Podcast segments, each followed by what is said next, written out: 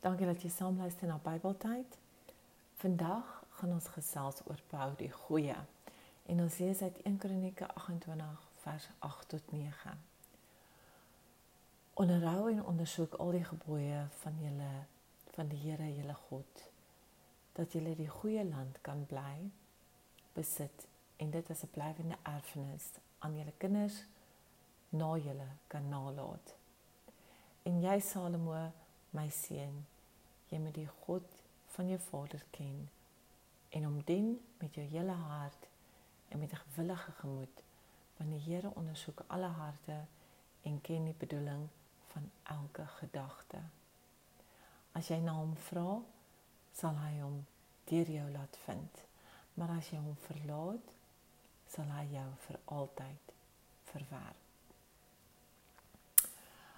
God se plan vir ons lewens is wonderlik. Juist daarom moet ons fokus gerig wees op hom en nie op ons eie planne nie. Al ons doen en late moet deur hom goedgekeur word. Dit moet volgens sy wil vir ons lewens wees. Ons moet besef dat wanneer ons na God se hulp vra, dan moet dit waarvoor ons vra in lyn wees met die Bybel. Ons moet glo dat ons die goeie dinge sal ontvang van God en dat ons geseën sal word. Geloof is ook om totaal en al te weet dat God aan ons kant is. Maak nie saak waardeur ons gaan nie. Hy is daar.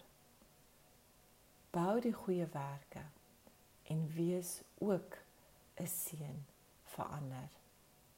Dankie dat jy saam geluister het. Good things.